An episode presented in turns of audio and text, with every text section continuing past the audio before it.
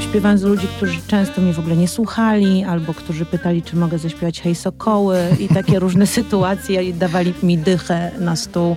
Dużo, naprawdę dużo przeżyłam.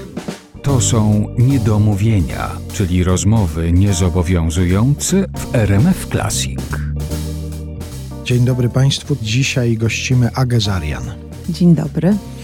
Przepraszam, może zacznę od zbyt banalnego pytania, ale jaki masz dzwonek w telefonie? Co masz ustawione? Czy to jest jakaś melodia, muzyka? Nie, nie, nie, nie, nie. Właśnie nie. Mam jakiś taki iPhone'owski typowy dzwonek. I mam też dzwonek, jak przychodzą SMS-y, e, dźwięk harfy. No to to jest taki Muzyczny. muzyczny akcent. Nie, nie mam. Bo to trzeba by było przebadać, bo zauważyłem, że niektórzy mają jakieś takie swoje ulubione utwory wgrane jako dzwonek telefonu, a niektórzy uważają, że telefon powinien dzwonić jak telefon dawniej dzwonił, na przykład takie dryń, dryń. Mhm. Mhm, nie. Ja mam budzik. Zmieniam sobie czasami piosenki w budziku, Mhm. który mnie ma budzić. I to są różne piosenki. Ostatnio, tylko właśnie zapomniałam nazwiska tej artystki, włoska artystka, której piosenka, taka trochę disco piosenka włoska była w filmie Wielkie Piękno. To chyba taki był tytuł tego filmu. W każdym razie filmowa piosenka i mm, zmieniam sobie czasami. Mam też te- czasami taką trochę soulującą muzykę, coś takiego pozytywnego, nigdy jazz. Ale to jest ciekawa informacja, myślę, dla wielu słuchaczy, że Aga Zarian budzi rano włoskie disco. To jest Tak, tak, tak, tak, tak. Wiesz, ja muszę wstawać wcześniej dosyć, przez przynajmniej połowę miesiąca, kiedy mam dzieci w napie- naprzemiennej opiece i to jest nawet szósta rano, więc wyobrażasz sobie, że to jest godzina dosyć wczesna dla wokalistki jazzowej, więc to musi być coś energetycznego, coś pozytywnego, coś takiego, co mi się pozwoli zerwać na, na równe nogi. Nie może to być, wiesz, Miles Davis, Round Midnight, bo wtedy zapadnę w dalszy sen. A wiem, że niektórzy też stosują na przykład muzykę jako coś do usypiania. To też wieczorem coś stosujesz takiego? Nie, nie, chociaż jest strasznie dużo tych aplikacji różnych teraz, takich Calm albo jakichś tam innych Zen i ja y, w ogóle nie jestem w stanie nawet y, podejść do czegoś takiego. Nie, ja, ja mam w ogóle problemy z zasypianiem, robię wszystko na odwrót, zaglądam do komórki wieczorem, czego nie wolno Mhm. robić, przebodźcowuję się wieczorem zamiast wyłączać telefon i nie słucham uspokajającej muzyki, nie umiem medytować i, i cierpię na bezsenność, więc nie. Ale wiesz, znowu jak o tym powiedziałeś, to sobie pomyślałam, że może powinnam do tego znowu podejść, bo to podobno świetnie działa. A może jakbyś tego samego utworu używała i do budzenia, i do usypiania, może by się coś nowego zaczęło w twoim tym rytmie dobowym dziać. Mój, tak, mój rytm domowy, dom, domowy, dobowy jest, y, jest mocno zachwiany i, i cały czas nad tym pracuję, żeby po na przykład takim, wiesz, weekendzie, gdzie jest koncert, gdzie no sam na pewno znasz to uczucie, że no ciężko jest od razu wrócić do hotelu albo do domu po występie i natychmiast pójść spać.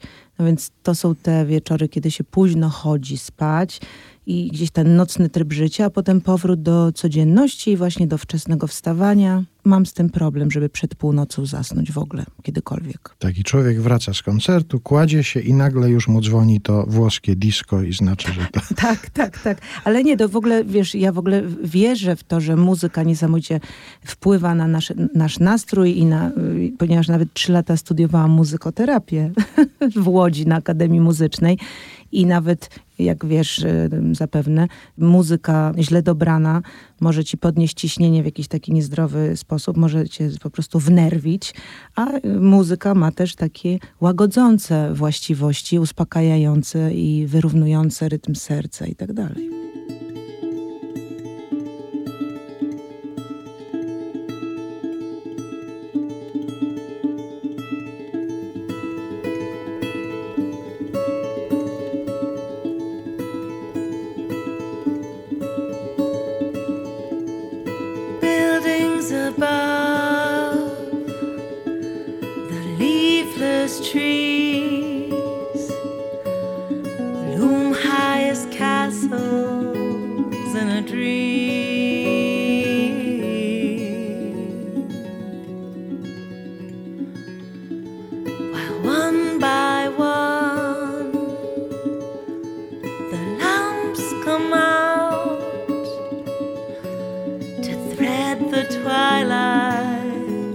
With a gleam.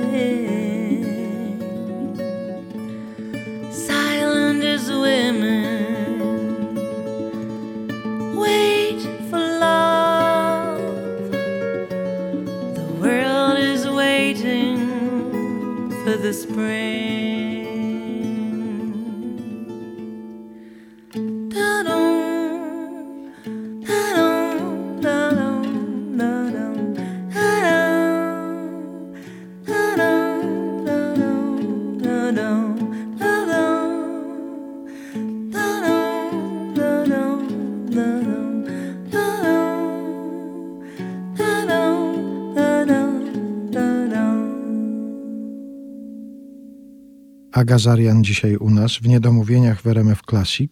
Chciałem z, teraz, nawiązując do twojej najnowszej płyty, wyjaśnić zagadkę pewnego teledysku. Central Park o Zmierzchu.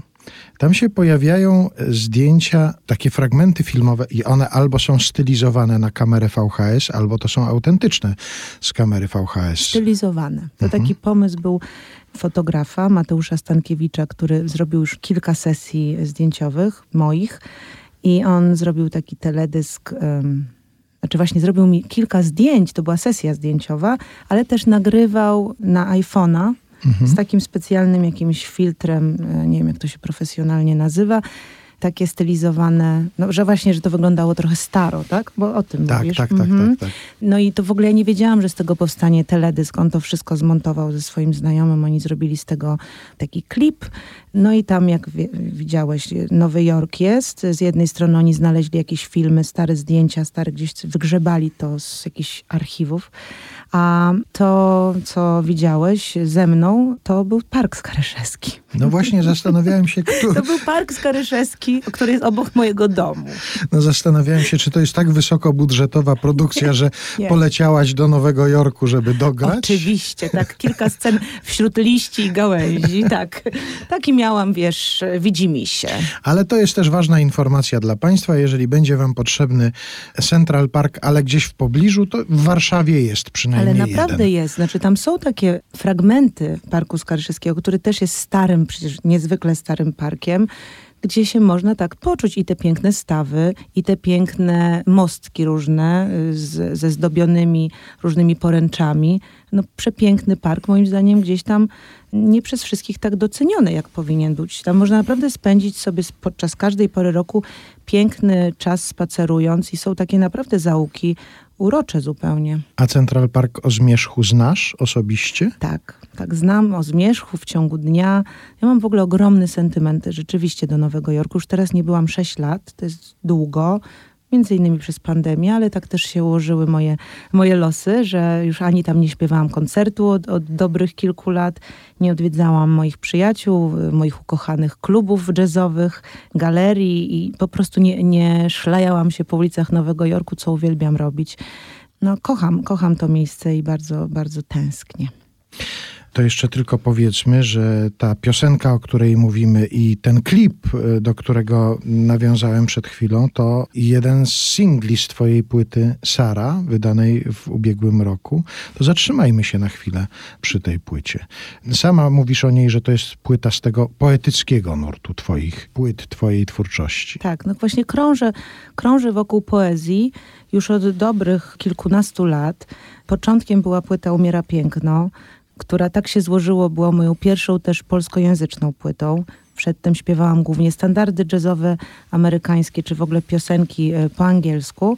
No i Umiera Piękno to była ta pierwsza płyta z, e, wydana w 2007 roku. Wiersze wybierane przeze mnie przez e, kobiety, mężczyzn, w większości tych, którzy brali udział w powstaniu warszawskim, ale, ale nie tylko, czyli mm, nasza polska poezja.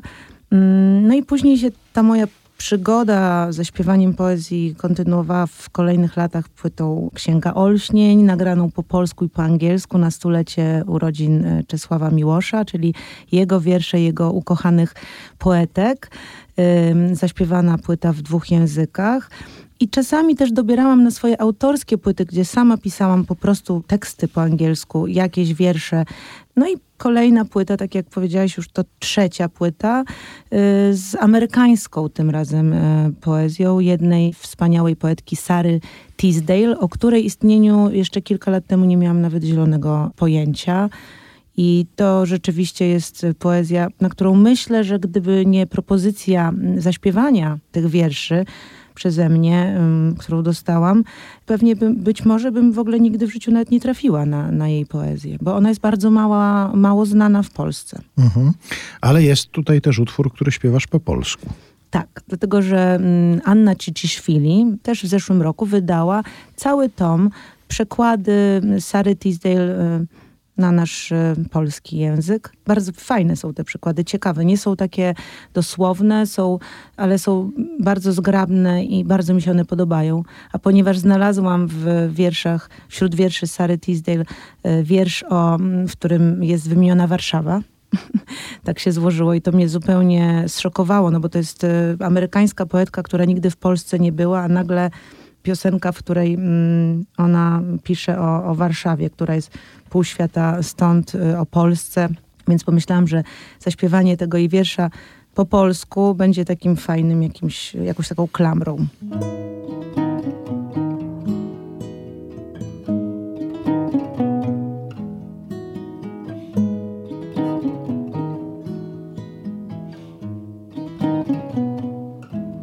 Gdzieś Polsce, gdzieś w Warszawie, stąd o pół świata gdzieś.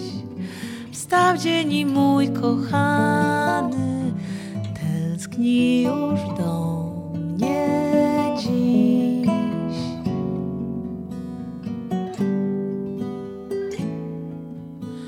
Poczułam to, wybiegłam jak uskrzydlony ptak pod roztańczone nieba głos jego przyniósł wiatr.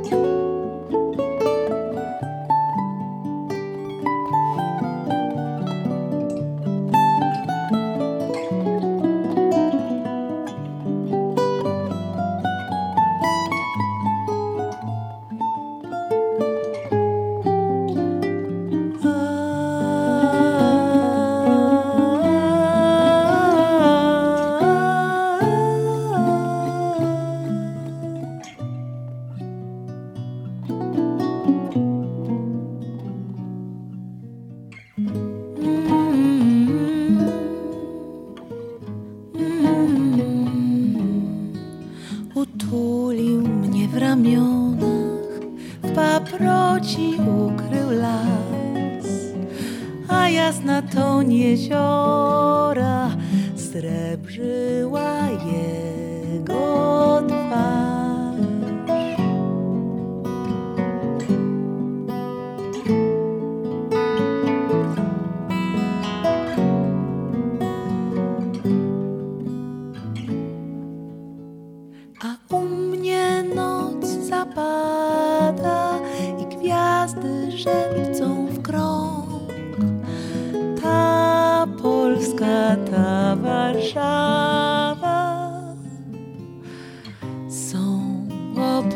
yeah.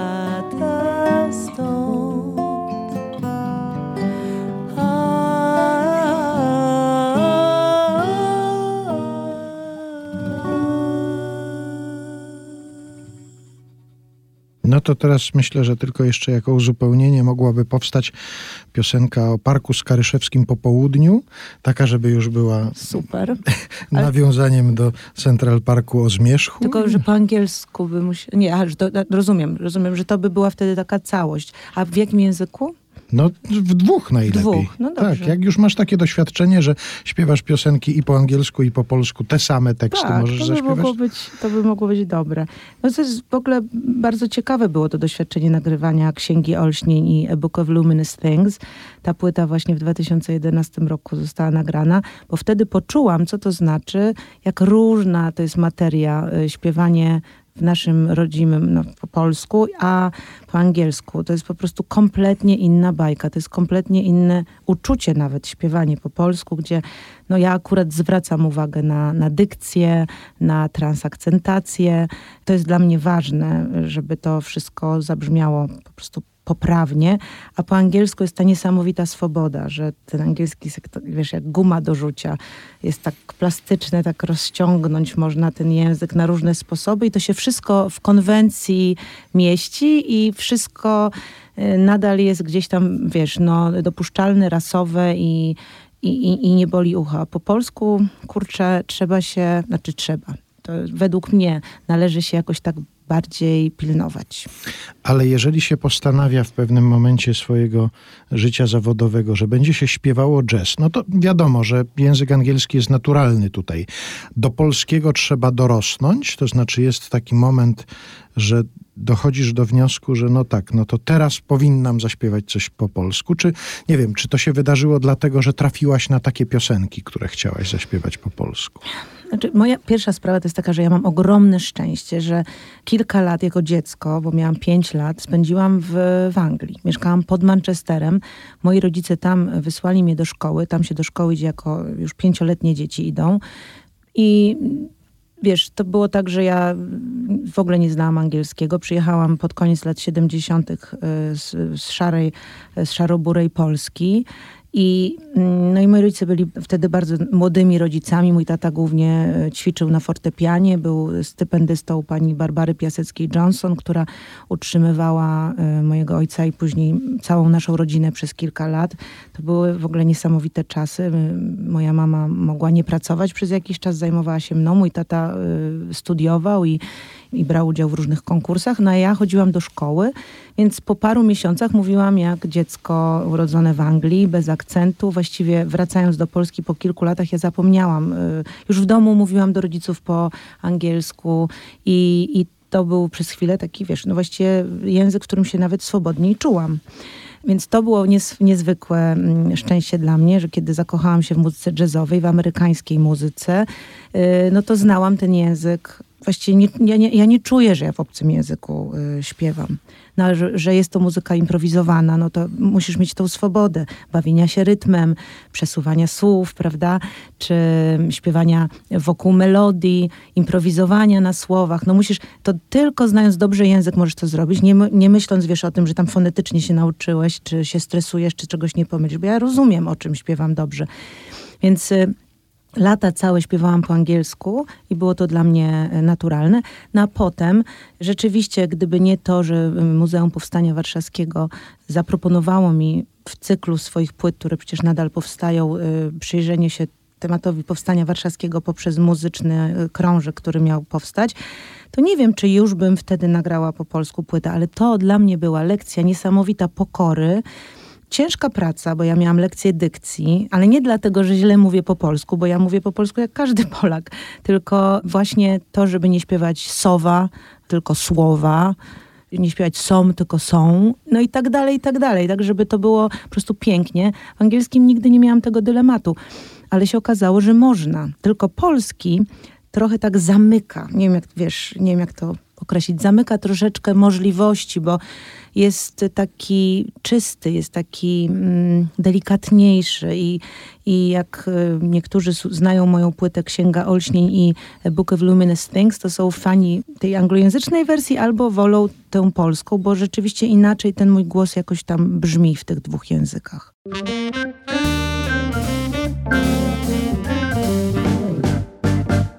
Gazarian dzisiaj u nas w Niedomówieniach w RMF Classic. Tak nam się rozwinął wątek tego śpiewania po angielsku bądź po polsku. Jeszcze się na chwilę przy tym zatrzymajmy. Spojrzałem na twój profil w mediach społecznościowych i zobaczyłem, że zapraszasz tam najpierw, a potem już informujesz, że jesteś na koncert w Londynie. E, I kto przychodzi do Posku, czyli Polskiego Ośrodka Społeczno-Kulturalnego, na występ polskiej wokalistki y, jazzowej. To przychodzi polska publiczność, czy mieszana publiczność? Kto mieszana, to? mieszana. Mhm. W Polsku y, drugi raz występowałam i rzeczywiście jest mieszana publiczność. Tym razem występowałam w cyklu koncertów, które są organizowane pod szyldem London Jazz Festival, więc to jest w ogóle międzynarodowy festiwal jazzowy, gdzie są artyści z różnych stron świata. To było dla mnie bardzo miłe, że zostałam zaproszona właśnie na taki prestiżowy y, festiwal reklamowany ten koncert był pod szyldem tego festiwalu. No więc y, zawsze, bo to już któryś mój występ w Londynie, oczywiście, że są Polacy, ale są też y, Anglicy, są generalnie jest międzynarodowe towarzystwo. Tak samo zresztą jest w Stanach, że jest trochę Amerykanów, a trochę Polaków, czasami nawet pół na pół. To jest fajne, no bo jazz jest bardzo kosmopolityczny i no ja śpiewam głównie na takich koncertach jednak po angielsku, chociaż zawsze jakieś polskie akcenty są, no bo są też Polacy i to jest strasznie miłe, myślę też dla nich usłyszeć ten język ojczysty. Często to są ludzie, którzy już są od dawna poza granicami Polski, więc tam myślę, że to jest dla nich też takie sentymentalne. A z kolei Anglikom, czy Amerykanom, czy gdziekolwiek tam dotrę, e, lubię e, nasz ojczysty język przedstawić, bo on dobrze brzmi, on jest ciekawy, on trochę jak portugalski brzmi. Ja myślę, że dla kogoś, kto nigdy tego języka nie słyszał za, za wiele, to może być ciekawostka przyrodnicza. Ale, ale to masz taką dyżurną piosenkę na takie zagraniczne występy? Nie, wybieram. Wiesz, płyta Sara to jest moja jedenasta płyta i poza tymi płytami ja też uczę się czy nowych standardów, czy jakaś piosenka mnie, e, wiesz, jakoś zainspiruje i chcę ją na nowo zaśpiewać w jakimś nowym aranżu, więc są też piosenki podczas koncertów, których nie nagrałam, a są w moim repertuarze. Szczerze ci powiem, że ja repertuar wybieram, jeżeli gram z moimi stałymi muzykami, a z takimi właściwie prawie zawsze występuję, o ile nie jestem zaproszona e, gościnnie przez kogoś, że często, słuchaj, wybieramy ten repertuar już po soundchecku, y, w garderobie, na godzinkę przed. Urywam kawałek kartki, z chłopakami ustalamy, jakie utwory. No i to zależy od nastroju, od, od rodzaju publiczności, której się spodziewamy, więc to jest też przyjemne. A zdarza się tak, że na przykład występujesz na takiej imprezie jak London Jazz Festival, gdzie pewnie publiczność przychodzi na różne koncerty różnych artystów z różnych stron świata i że przychodzi ktoś nie wiedząc kim jest Agazarian, przychodzi po prostu posłuchać muzyki i na przykład po koncercie mówi ci, że no jak przeczytał Agazarian, to się spodziewał, że to będzie jakaś orientalna muzyka. Jakaś ormianka. No sobie, ja miałam taką sytuację, że jakaś cała rodzina ormiańska przyjechała na mój koncert i byli bardzo zdziwieni, że jestem blondynką lekko rozjaśniającą włosy, ale jednak blondynką i że nie mam, że właśnie no nie jestem ormianką, bo Zarian to przecież ormiański e, pseudonim. Zdarza się, że ktoś przychodzi, kto mnie nie zna, oczywiście, albo czasami jest tak, że ktoś przyprowadza swoich znajomych, mhm. znając moją muzykę i mówiąc, wydaje mi się, że to ci się będzie podobało i tak dalej. Tak, tak, dużo jest takich sytuacji, ale są czasami takie naprawdę bardzo ciekawe. Na przykład na jakimś e, kongresie międzynarodowym lekarzy z całego świata, to było już lata temu we Wrocławiu, na, na tak zwanej imprezie zamkniętej, yy, zaśpiewałam taki krótki recitalik, mini recitalik, kilka piosenek dla lekarzy z całego świata i tam sobie poznałam wielkiego fana jazzu, który przyjaźnił się z Weather Report, znał, e, znał e, Wayne'a Shortera, no w ogóle taki fan jazzu, lekarz, który brał udział, znaczy pojechał na wojnę w Wietnamie, tam po prostu ratował rannych, więc w ogóle też niesamowita postać, przeżył wiele. I on tak polubił moją muzykę, że Później gdzieś tam w Stanach rozdawał moje płyty, potem poleciałam zaśpiewać na jego, na jego urodzinach i promował mnie gdzie, wiesz, gdzie się dało, mówiąc zawsze, że ty jesteś lepszy od Diany Kral, a ludzie o tobie nic nie wiedzą, ja muszę tutaj cię promować w Stanach i tak dalej. To są takie śmieszne sytuacje, no, że też przyprowadzał na moje koncerty później swoich znajomych. Mhm. To jest, często się mówi, że no, w tym zawodzie zwłaszcza szczęście to jest bardzo ważny element tego, co się w życiu wydarzy. Gdybyś miała wskazać takie najważniejsze momenty szczęścia w twoim życiu, to co by to było? Ale zawodowego czy zawodowego, prywatnego? Zawodowego. E... A o prywatnego zaraz też zapytam. No prywatnego to trywialne sprawy, no takie jak, jak każdego. No przecież pewnie myślę, że pojawienie się e, moich dzieci to było coś mhm. takiego bardzo dla mnie niezwykłego, bo zdecydowałam się na dzieci późno i w ogóle to był taki dla mnie temat trudny. Nie byłam pewna, jak to będzie z tym macierzyństwem, z moim e, z moimi predyspozycjami do tego, żeby być matką taką, jaką bym chciała być i tak dalej, i tak dalej. Więc to było, to rzeczywiście jest szczęście, ale to jest też upiorne czasami, potwornie męczące i, i, i czasami naprawdę się wściekam, ale nie było dnia, nawet chyba nie było godziny, żebym żałowała tej mhm. decyzji. To na pewno moi dwaj synowie są takim momentem niezwykłego szczęścia i jakiejś takiej niezwykłości życia, którą poczułam mając dzieci. A zawodowo no myślę, że zawodowo to momentem szczęścia największego było to, że w ogóle mi się udało dotrzeć do takiego miejsca, w jakim, w jakim jestem już od lat, czyli że z dziewczyny uczącej w ciągu dnia angielskiego w firmie rodzinnej, będącą na co dzień Miss Agnes, a uczyłam angielskiego z powodów, o których wcześniej mówiłam, bo poznałam ten język jako dziecko, zrobiłam jakiś tam e, egzamin Cambridge i, i lubiłam śpiewać, lubiłam się wygłupiać. E, miałam zawsze jakieś takie zacięcie trochę też i do, do kabaretu, do jakichś takich, wiesz, wygłupów. Lubię to strasznie. No to miałam z tymi dzieciakami super kontakt. Potrafiłam, wiesz, udawać psa e, chodząc na czworaka i no wygłupiać się po prostu. I, I nie miałam dystansu do dzieci, więc w ciągu dnia byłam wesołą Miss Agnes a po południu przebierałam się wieczorem i jechałam do klubu Tygmont albo śpiewałam w jakiś raz w miesiącu przez lata w Lolku na polach mokotowskich. Śpiewając z ludzi, którzy często mnie w ogóle nie słuchali, albo którzy pytali, czy mogę zaśpiewać Hej Sokoły i takie różne sytuacje i dawali mi, mi dychę na stół. Dużo, naprawdę dużo przeżyłam i śpiewałam ten jazz za, za, za 3 złote dosłownie. Nie byłam w stanie się w ogóle utrzymywać śpiewając y, muzykę. Musiałam mieć drugą, tak zwany jak to w Stanach mówią day job, że wiesz, w ciągu dnia masz pracę, y, żeby móc wieczorami spełniać swoje pasje. I śpiewałam. No i tym momentem szczęścia największego to chyba był moment, kiedy wydałam drugą płytę, kiedy z Agnieszki Skrzypek stałam się Agą Zarian kiedy znalazł się menadżer, który wypromował moją muzykę y, i, i, gdzieś tam wypłynęłam na szersze wody, kiedy dziennikarze zauważyli w ogóle moją muzykę i kiedy się okazało, że, że jazz nie jest taki straszny, że nie gryzie, że nawet jest to muzyka dla wielu przyjemna, dla ucha. No i, i się zaczęła ta moja droga, która trwa do dziś. To chyba ten moment największego szczęścia, a największego wzruszenia chyba właśnie pierwsze premierowe wykonanie Umiera Piękno na Placu Wolności, tam w Parku Wolności w Muzeum Powstania Warszawskiego, właśnie z tym pierwszym polskim e, programem gdzie w pierwszych rzędach siedzieli powstańcy warszawscy i jeszcze kilka pokoleń y, ich rodzin. To też był taki mocny i bardzo radosny i wzruszający moment, kiedy poczułam, że tworzenie muzyki ma czasami też jakiś głębszy sens poza, wiesz, przynoszeniem rozrywki czystej, tylko że to jest też y, dla mnie jakieś przeżycie i może też nieść jakieś emocje dla y, słuchaczy.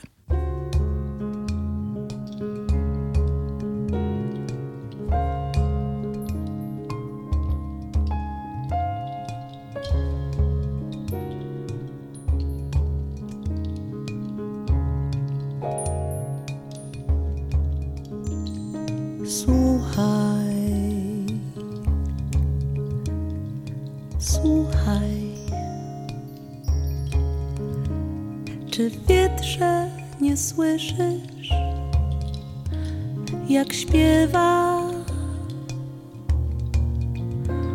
mój głos, w którym jest moja miłość i tęsknota?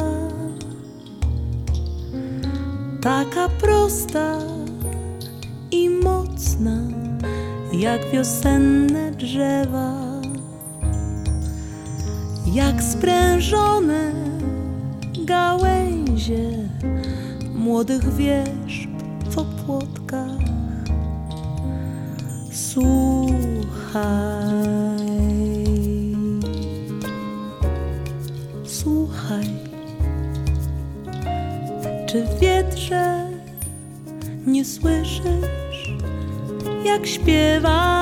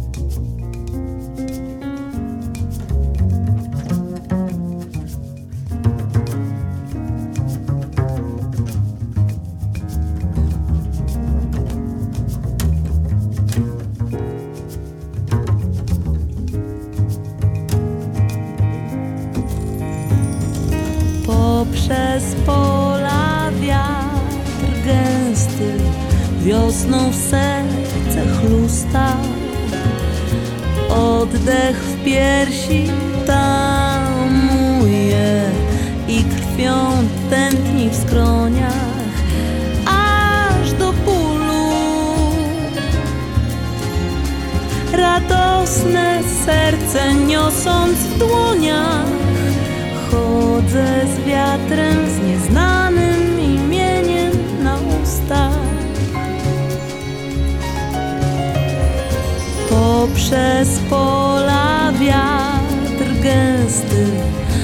wiosną w serce chlusta.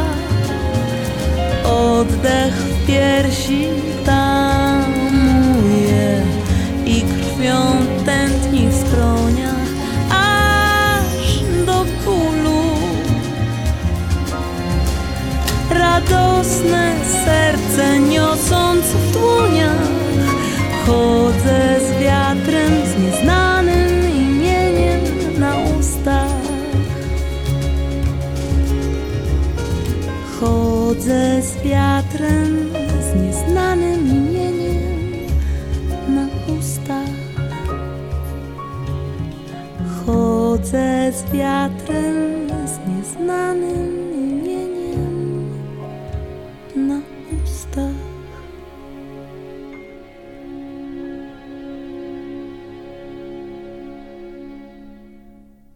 Zauważyłem, że ja chyba źle akcentuję w Zarian. Tak powinno Tak, ale być. wszyscy tak y, akcentują i ja się na to nie, y, nie, nie gniewam, bo, no bo skąd y, mają wszyscy wiedzieć, że to jest Zarian, dlatego że to jest gdzieś tam ormiańskie, tak? To Mhm. Ale to będę się starał w dalszej części. nie, nie musisz, ale dziękuję. Aga Zarian u nas dzisiaj w Niedomówieniach w RMF e, Classic. Powiedziałaś, kiedy cię zapytałem o te momenty szczęścia w życiu zawodowym, użyłaś takiego sformułowania, na którym teraz chciałbym się skoncentrować, bo powiedziałaś, że cieszysz się, że to trwa nadal. Czy nie myślisz, że dla kogoś wykonującego taki zawód, jaki ty wykonujesz, to trwanie jest właśnie też szczęściem w tym zawodzie, że właściwie błysnąć czy zainteresować sobą nie jest tak trudno, jak utrzymać publiczność przy sobie przez lata, czy robić coś nowego znowu, czy to trwanie ma rzeczywiście duże znaczenie. No, ma ogromne, tylko wiesz, ja, ja w ogóle mam taką osobowość, że dla mnie to było zawsze marzenie, żeby, żeby to śpiewanie stało się tym, co robię na co dzień.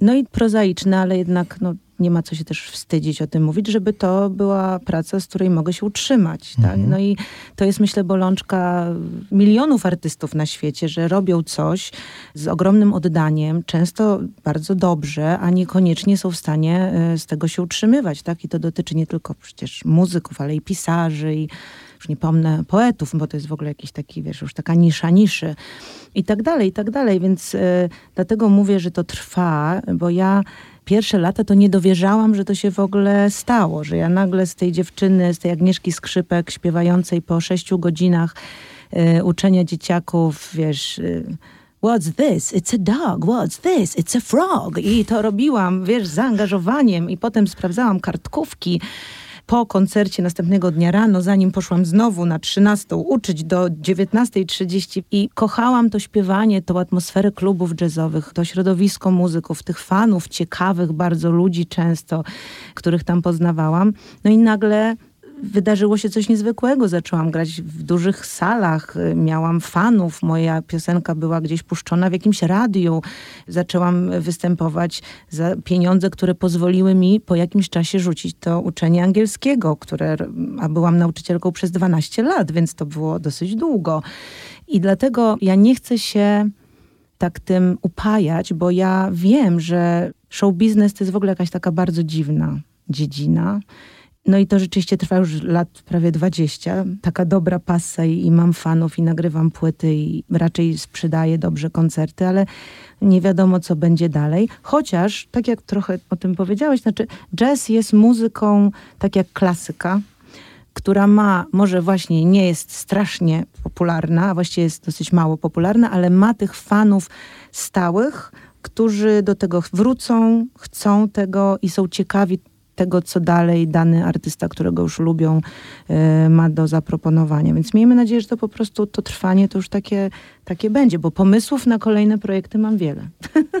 Może jeszcze o niektórych z nich dzisiaj powiemy, ale teraz chciałem powiedzieć jeszcze o tym, że ja przygotowując się do tej naszej rozmowy, zajrzałem sobie na profile społecznościowe, żeby się dowiedzieć, co u Agi teraz. I nagle patrzę, a tutaj Aga Zarian mówi o tym, że będzie mówiła o Loże Szafran mhm. że jest zapowiedź waszego wspólnego mhm. występu, bo coś takiego wspólnego się wydarzyło. No tak, za, zaśpiewałyśmy w duecie y, piosenkę Ewy Demarczyk. Lada dzień będzie premiera jej całej płyty i y, no już myślę, że mogą państwo się zapoznawać y, z poszczególnymi piosenkami, bo, bo są dostępne w, w streamingu, a fizycznie właśnie lada, lada dzień ta płyta się ukaże, ponieważ Lora Szafran, którą niezwykle cenię, bardzo się lubimy prywatnie i też cenię E, jej konsekwencje i jej taką wierność e, sobie samej. To artystka, która w sumie nigdy właśnie nie szła na skróty, tylko gdzieś tam konsekwentnie tworzyła swój dorobek i to, co śpiewała, też dobierając z uważnością e, piosenki, taką jakąś... Lubię Lory i cenię. Zaprosiła mnie do duetu. Mm, no i zaśpiewałyśmy Ewy Demarczyk piosenkę, a ona nagrała całą dużą płytę E, z, e, chyba tam jest 11 utworów. E, bardzo ciekawym instrumentarium. Wielu muzyków tam wzięło udział, między innymi Henryk Miśkiewicz też jest gościnnie, tak jak ja. No i ta Ewa Demarczyk i takie inspiracje Lory Szafran wokół jej piosenek, to jest zupełnie inna Ewa Demarczyk niż państwo znają. W sensie bardzo daleko od oryginału i, i, i, z taką niezwykłą intymnością i wrażliwością e, swoją e, Lora Szafran podeszła do tego. Więc tak, zaśpiewałam z Lorą duet.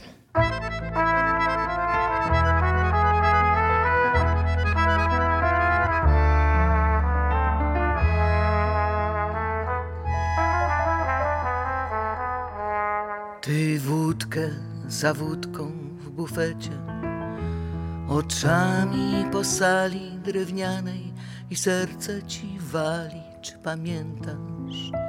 Orkiestra powoli opada, przycicha, powiada, że zaraz. Czy pamiętasz jak ze mną już znalazł twój wzrok moje oczy? Już suniesz po drodze zamroczy, już zaraz za chwilę. Czy pamiętasz jak ze mną tańczyłeś? Podchodzisz na palcach i naraz nad głową grzmotnęło do walca. Porywasz na życie, na śmierć, do tańca grą was. Czy pamiętasz, jak ze mną tańczyłeś walca z panną Madonną, legendą tych lat? Czy pamiętasz, jak ruszył świat do tańca, świat, co w ramiona ci wpadł. Wylękniony bluźnierca, dotulałeś do serca w utajeniu kwitnące te dwie. Unoszone gorącą, unisono dyszące, jak ja cała w domysłach i w mgle.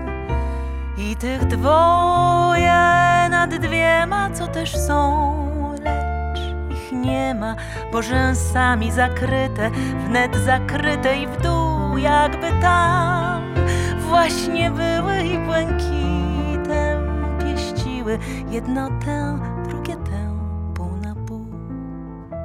Gdy przez sufit przetaczasz, nosem gwiazdy zahaczasz, gdy po ziemi młynkujesz, to udajesz siłacza. Wątłe mięśnie naprężasz, pierś herlawą wytężasz. Będę miała atletę i huzara za męża.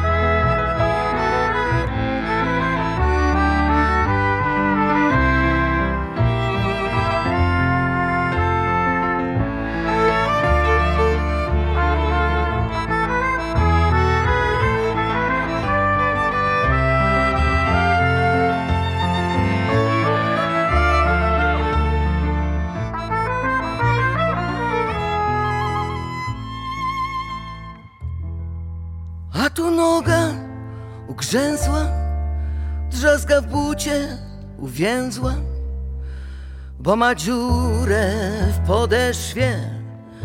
Mój pretendent na męża. Ale zawsze się wyrwie, bo już wolny odeszło i walcuje szurając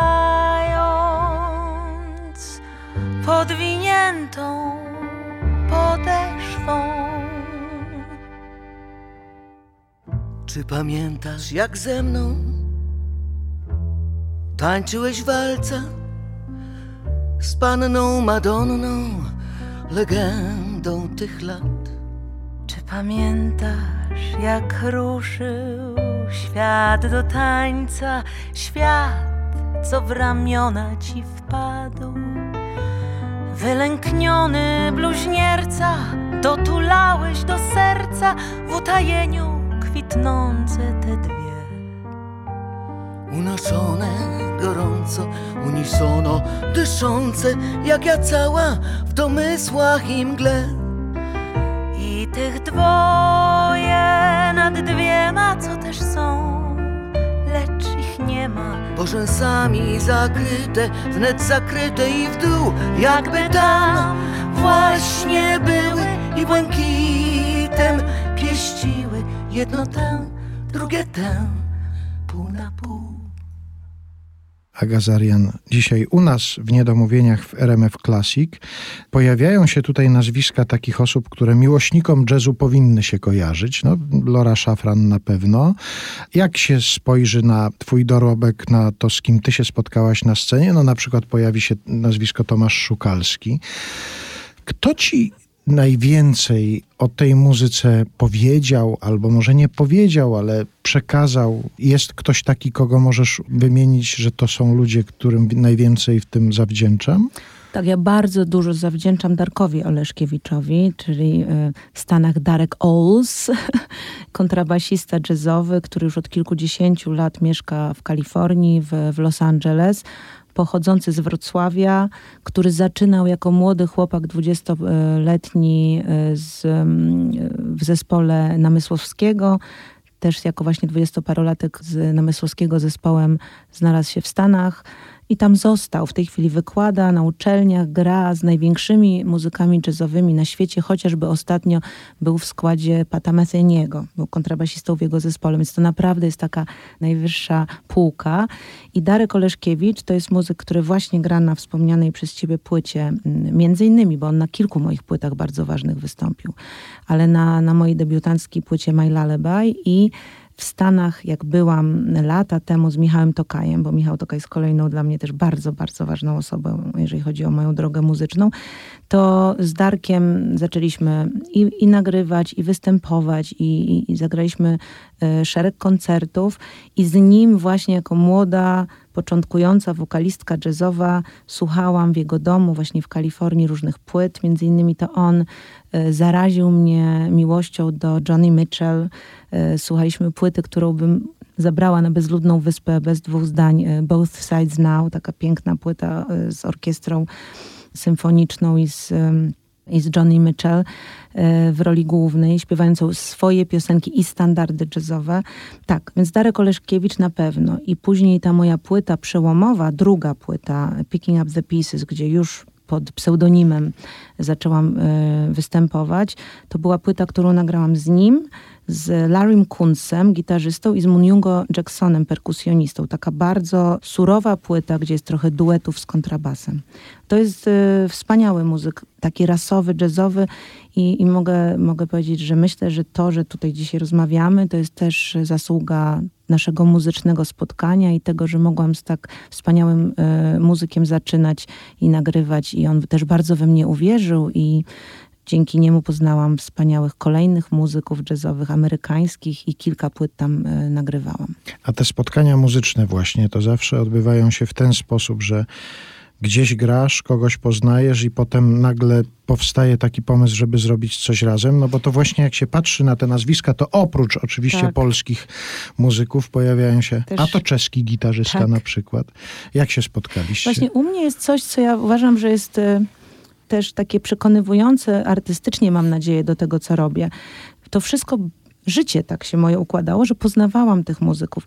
Za mną nigdy nie stali producenci, którzy na przykład mówili, słuchaj, dobrze Trzeba by było, gdybyś tym, tak. zagrała z tym i z tym. Zapłacimy mu parę tysięcy dolarów, albo nawet kilkanaście, bo w sumie to oni są strasznie drodzy, ale zrobimy to, a ty z nimi zagrasz, albo ty zaśpiewaj z kimś, bo ten duet to będzie dobrze wyglądał wizerunkowo.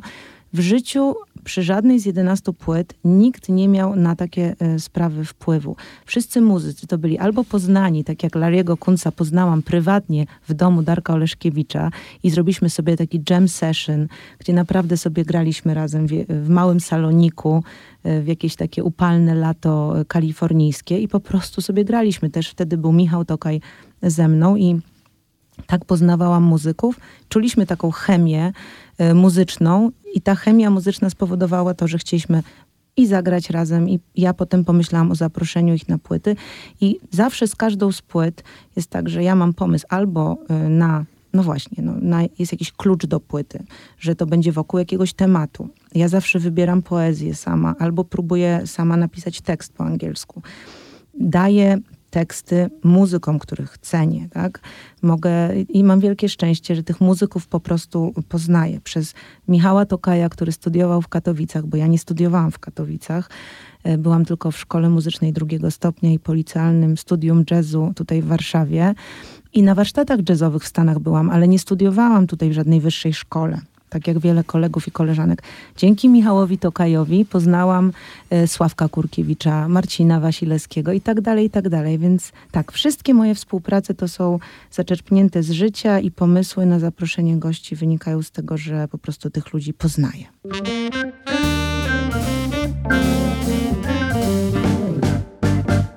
Aga Zarian u nas dzisiaj w Niedomówieniach w RMF Classic. Jeszcze chciałem poruszyć kwestię taką, która myślę, że jest dla ciebie ważna, mianowicie oprócz tego, że informujesz świat o tym, co robisz, co się u ciebie dzieje, gdzie grasz, z kim występujesz, co nagrywasz, to ty bardzo się angażujesz w różne społeczne kwestie. To znaczy promujesz akcje społeczne, na przykład akcję związaną z, ze zdrowiem psychicznym młodych ludzi, obywatelskie różne przedsięwzięcia, kultura najważniejsza, na przykład takie hasło się u ciebie pojawiło. Tutaj już parę razy padło w naszej rozmowie to zaangażowanie w pamiętanie o powstaniu warszawskim i o naszej historii.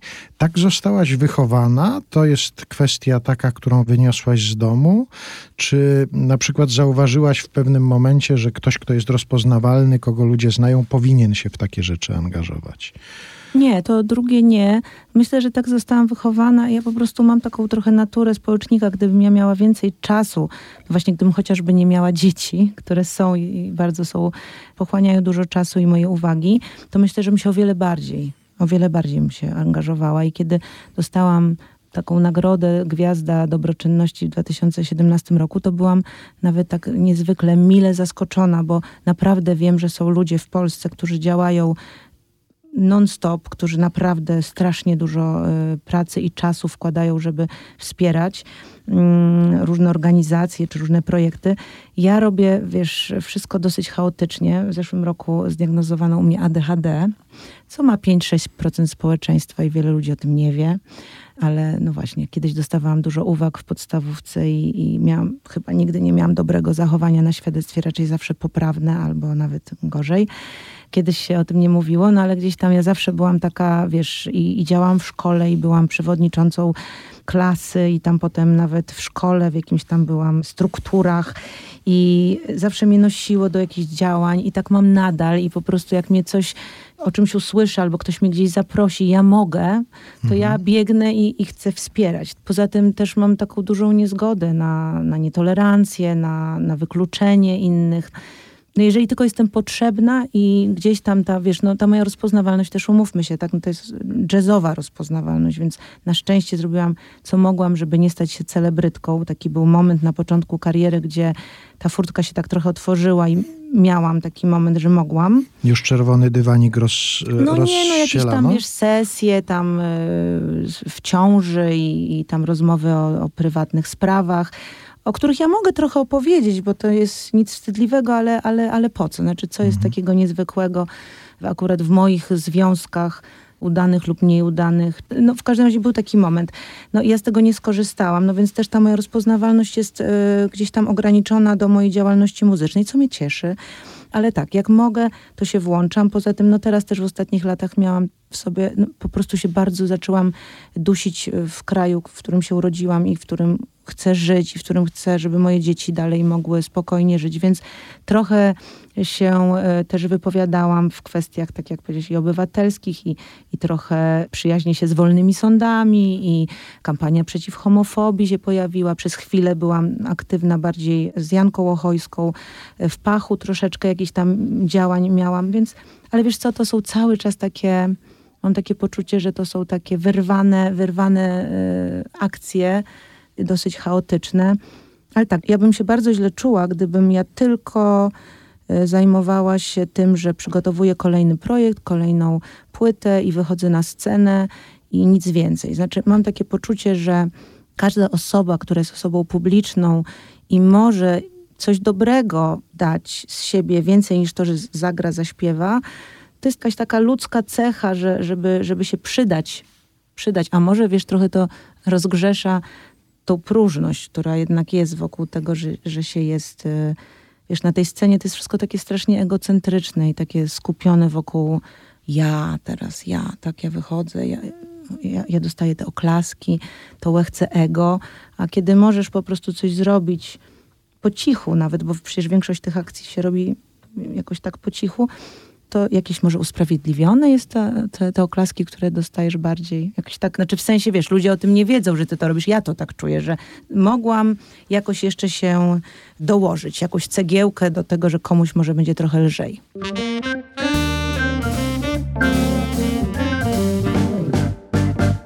Aga Zarian dzisiaj u nas w Niedomówieniach w RMF Classic. Ja oczywiście przygotowując się, nastawiałem się na, na rozmowę głównie o sprawach zawodowych i o tym, co się u ciebie dzieje, ale też tu zdradzam trochę takie tajniki tego zawodu, przepytującego w radiu, że szuka się takich pomysłów na jakieś oryginalne pytania. I ja na przykład siedząc w poczekalni u dentysty, zobaczyłem, że leżą takie kolorowe pisma różne, bardzo zacne kolorowe pisma. I tam różne pytania się pojawiają na pierwszych stronach. I pomyślałem, a co gdyby tak tobie zadać pytania niekierowane do ciebie teoretycznie? Czyli na przykład, o proszę, od czego zależy, że czujemy się młodo? Dzień kobiet, świętować czy nie? Kopernik, astronom, geniusz czy szpieg? Albo dokąd idą niegrzeczne dziewczynki? Chcesz na któreś z tych pytań odpowiedzieć? Mogę, mogę. Proszę bardzo, to na które? O dziewczynkach możesz. Dokąd idą niegrzeczne dziewczynki? Do proszę? nieba. O, proszę. Ale bo wszystkie dziewczynki idą do nieba? No wiesz, to może, to już takie pytanie jest jeszcze podpytanie, no nie wiem, no ale takie pierwsze jest, że, że do nieba. Że do no. nieba idą niegrzeczne dziewczynki. Tak, że, że trzeba umieć też być niegrzecznym, no. A dobrze, to jest już jakaś wskazówka. Ja nie wiem, do kogo było to pytanie w oryginale skierowane, świetne. ale. A jeszcze znalazłem tam, to się domyślisz pewnie, kto to wypowiada się na ten temat, ale ciekaw jestem, to już jest związane trochę z zawodem. Dla kontratenora ma znaczenie, czy wypije kawę argentyńską, czy kolumbijską, bo te odmiany różnią się kwasowością i inaczej wpływają na głos. Jeden z artystów coś takiego powiedział, ale ja wyciągając z tego jakieś wnioski, chciałem Ciebie zapytać, czy są takie rzeczy, które ze względów zawodowych Ty sobie musisz odmawiać, rezygnować z nich, czy No jeżeli. się... zapewne są, ale nie mogę powiedzieć, żebym sobie odmawiała. Znaczy mamy taką żelazną zasadę rzeczywiście, że przed koncertami nigdy nie piję alkoholu. Mhm. bo chcę być w formie, bo chcę być skupiona. Mam też często bardzo dużo tekstów do, do zaśpiewania, więc y, tak, nie- odmawiam sobie alkoholu przed koncertami, ale resztę właściwie mu- muszę powiedzieć, że, że nie przestrzegam. No i staram się, i staram się też przed koncertami no, nie najadać się zbytnio, no bo będę wtedy e, rozleniwiona i, i, i ospała. Nie, ja, wiesz, no to jest znowu, widzisz, jazz. Ja zawsze strasznie współczułam śpiewakom to jest myślę, że strasznie y, ciężki lifestyle, jak to się Mhm. z angielskiego. Y, No ten tryb życia śpiewaczek, śpiewaków, wiesz, że oni muszą to C3 kreślne zawsze z tą precyzją uderzyć, że, że nie mogą mieć lekkiej chrypki, no bo wtedy wszyscy to słyszą, że to jest takie niedomaganie. W tym jazzie jest fantastycznie. Możesz w każdym tempie sobie piosenkę zaśpiewać. Jak akurat jesteś trochę bardziej zmęczony, no to mówisz, no panowie, dzisiaj to nie upswing, tylko dzisiaj sobie to w balladzie na przykład zaśpiewam. A właściwie to jak masz taki dzień, że jesteś zmęczony, bo ileś, ja mam czasami kilka koncertów pod rząd, to mogę na przykład nawet poprosić, żeby trochę niżej jakiś utwór zagrali, żebym nie musiała się jakoś strasznie napinać, wiesz. To jest fajne. No jazz daje dużo, dużo możliwości wyboru. Tak, nie, no nie, nie. Ja, ja muszę powiedzieć, że jedyna rzecz, która mnie czasami trochę martwi, to jest, że no właśnie i to jest początek naszej rozmowy z tym trybem, wiesz, czuwania nocnym, dziennym, że, że czasami trochę snu mi brakuje i powinnam sobie dodawać tych godzin snu, żeby, żeby być w lepszej formie ogólnie rzecz biorąc. Ale to wnosząc z tego, co powiedziałaś przed chwilą o tym, czego sobie trzeba odmawiać, a czego nie odmawiać e, przy śpiewaniu jazzu, to nawiązując do poprzedniego pytania, to wniosek z tego, że niegrzeczne dziewczynki idą śpiewać jazz też.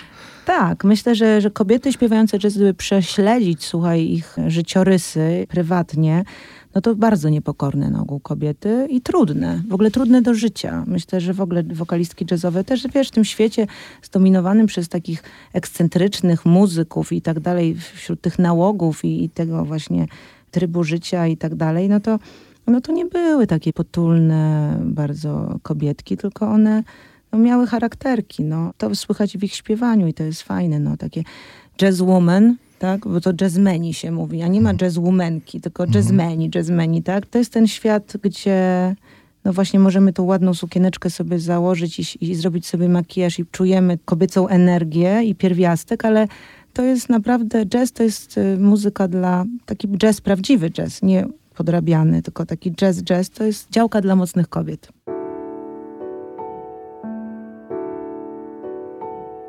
Strangers in the night, exchanging glances, wandering in the night.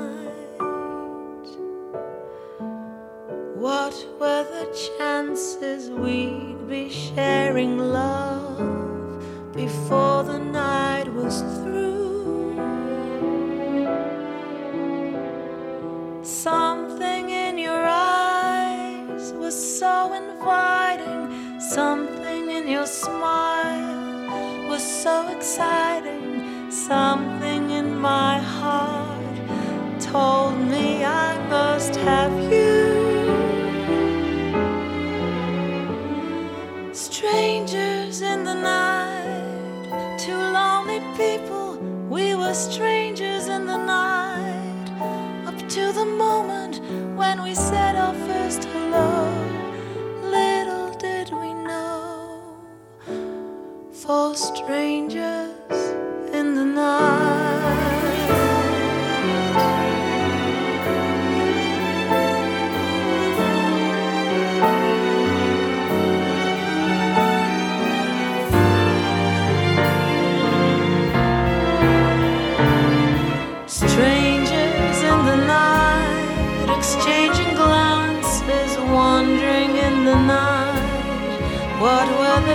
Chances we'd be sharing love before the night was through? Something in your eyes was so inviting, something in your smile was so exciting. Something in my heart told me I must have you.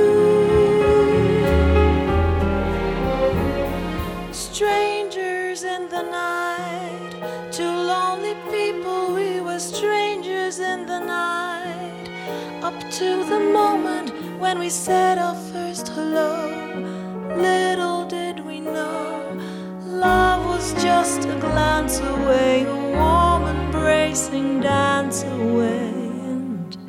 And ever since that night, we've been together, lovers at first sight, in love forever, it turned out so right for strangers in the night.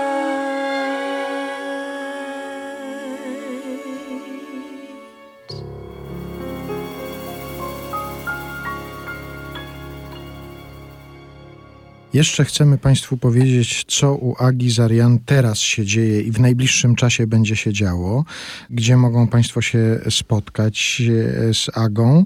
To powiedzmy o specjalnym koncercie na zakończenie roku Wisławy Szymborskiej w Krakowie w Teatrze KTO 24 listopada o 18 można cię będzie zobaczyć, usłyszeć.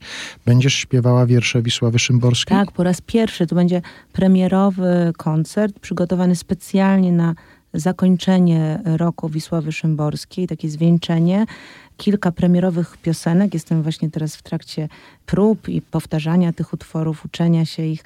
Piękne utwory Michał Tokaj napisał, ale też będzie moja jakby interpretacja wiersza, mm, który zaśpiewał Grześ Turnał, Zakochani, ale też wybrane przeze mnie wiersze. Może nie będę zdradzać, niech to będzie niespodzianka. Kilka wierszy wybrałam i Michał Tokaj napisał muzykę do wybranych wierszy Wisławy, ale nie tylko, ponieważ Wisława Szymborska kochała jazz, kochała Elle Fitzgerald, to na pewno też będzie trochę właśnie takiego klasycznego y, jazzu z ery, którą nasza noblistka bardzo lubiła, bo ona kochała swing.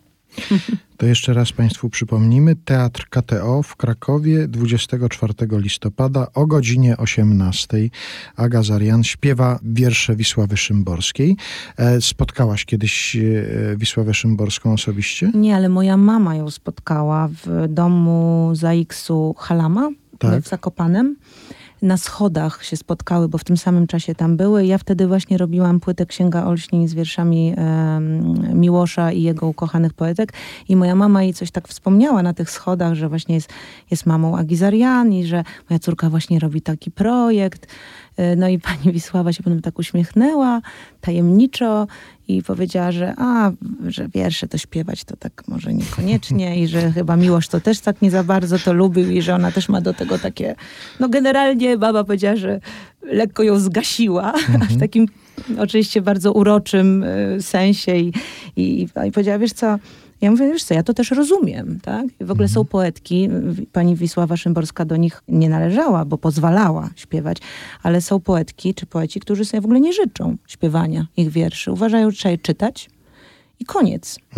Mary Oliver jest taka poetka, jak ja jedna z ukochanych Miłosza i my dostaliśmy odpowiedź ze Stanów, że nie, ona już w tej chwili o- odeszła z tego świata, ale wtedy żyła i dostaliśmy po prostu, nawet nie chciała usłyszeć tej piosenki, nie interesowało ją kto, tylko już dom wydawniczy, wiesz, od razu pisze, że nie. Ja to szanuję, ja to szanuję. Mhm. Ja dlatego zapytałem o to ewentualne spotkanie osobiste z Wisławą Szymborską, bo to są takie spotkania, które zostawiają ślad na całe życie.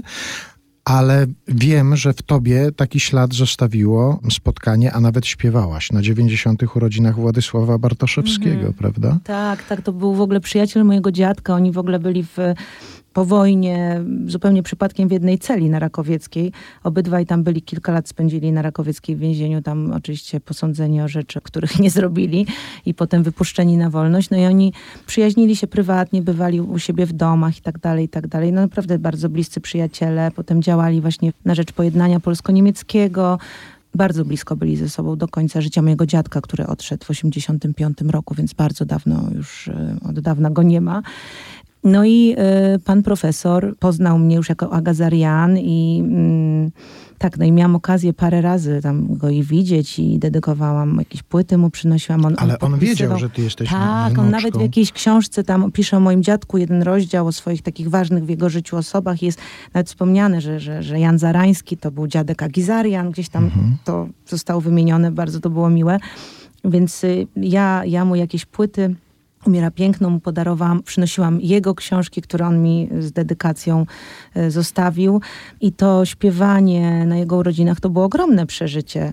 To był 2012 rok i w, na Zamku Królewskim i inny czas, wtedy był prezydent Komorowski i, i pamiętam, że śpiewałam pierwszy siwy włos, taką piosenkę, mhm. która była jego ulubioną i to było tak wzruszające, bo on trzymał swoją małżonkę za, za, za dłoń, siedzieli, wiesz, para staruszków, która przeżyła ze sobą nie wiem nawet już ile lat i ten pierwszy siwy włos zaśpiewałam dla niego z dedykacją. No cudowny, cudowna postać. Jeszcze miałem jedno pytanie, ale nie wiem, czy pytać o to na koniec, mm. żeby tutaj jakiegoś drażliwego tematu nie poruszyć. No, no słuchaj, bardzo jestem gotowa. No. Nie, jestem niegrzeczną dziewczynką, jak już powiedziałam, więc no to, to możesz, jednak, możesz zadrażniać. O, to jednak to odważne pytanie zadam. Umiesz zagrać dla Elizy na fortepianie? Nie. Nauczyłam się tego początku prostego lata temu i potem, jak, bo tam kolejne strony są już takie trudniejsze i bardziej gęste i pamiętam, że miałam lekcje prywatne pianina i już tam się nauczyłam tego początku nieszczęsnego na, na, na, na, na, na, na, ale potem, potem jest gęsto, gęsto i wyjechałam w trasę koncertową.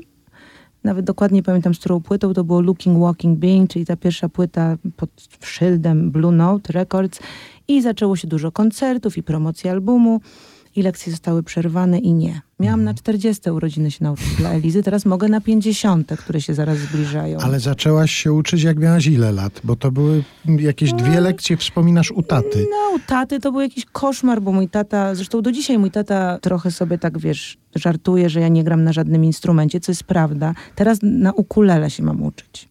Dla ale Elizy? Też, nie, ale wiesz co, ale to jest dobre. Jakbym się nauczyła, to przyjdę tutaj i ci zagram, bo to by było wydarzenie. Bardzo na to liczymy. Ale nie wiem, czy to jest w ogóle wykonalne, ale słuchaj, no zacznijmy od tego, żeby się dwóch akordów nauczyć. Bo to jest ważne dla wokalistki, wiesz, sobie podegrać. No mhm. i większość tych moich koleżanek po fachu, one są po akademiach muzycznych, tak grają. No a ja grałam w tenisa codziennie, byłam mistrzynią Warszawy na ten tata wielki, pianista klasyczny, występujący w konkursie szopenowskim, no nie nauczył ani jednej córki, ani drugiej. Moja siostra też jest muzykalna tylko nie poszła w tym kierunku akurat. Lekcje były dwie, no bo ja się tak uparłam dla Elizy, żeby zagrać, a on kazał gamy, pasaże i tak dalej, wiesz, ta cała nuda y, muzyki klasycznej. No i nic z tego nie wyszło, no więc mm. nie, nie umiem, ale wiesz, że to pytanie mi zadałeś, trochę tak poczułam, że, że może muszę do tego wrócić. No i my teraz mamy na co czekać, bo będziemy teraz czekać, aż Aga Zarian przyjdzie z ukulele i zagra dla Elizy. Słuchaj, naprawdę, jak te lekcje się zaczną, a podobno ukulele jest najprostszym instrumentem świata, bo ja już szukam czegoś, żeby zagrać tak sobie, wiesz. Ale zobacz, to by było fajne, bo ja mogła przyjść z tym ukulele i nawet tutaj to ja na to liczę, już naprawdę. Nawet nie, już nawet nie dla Elizy, ale cokolwiek, wlaskotek na płotek. Przemyślę. A ja będę dopytywał o to. Dobra, Raz na jakiś dobra. czas będę się odzywał i Dobrze. będę przypominał te obietnice. Dobrze, to by było niezłe. Bardzo dziękuję. Dziękuję.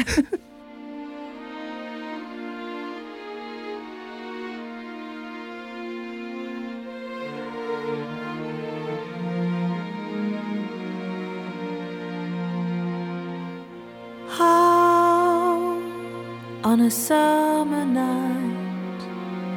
The mysterious few bird notes rise and break against the dark and stop. And that music continues afterward for a long time.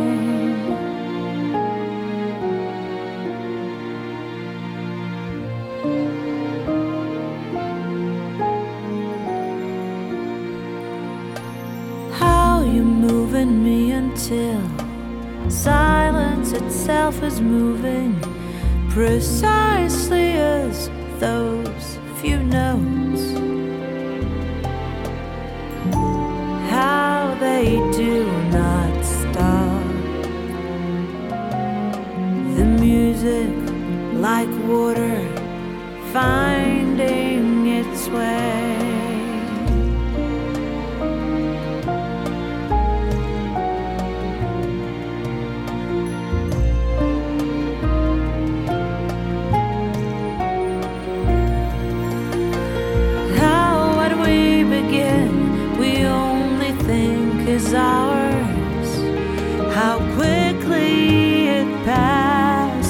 From reach.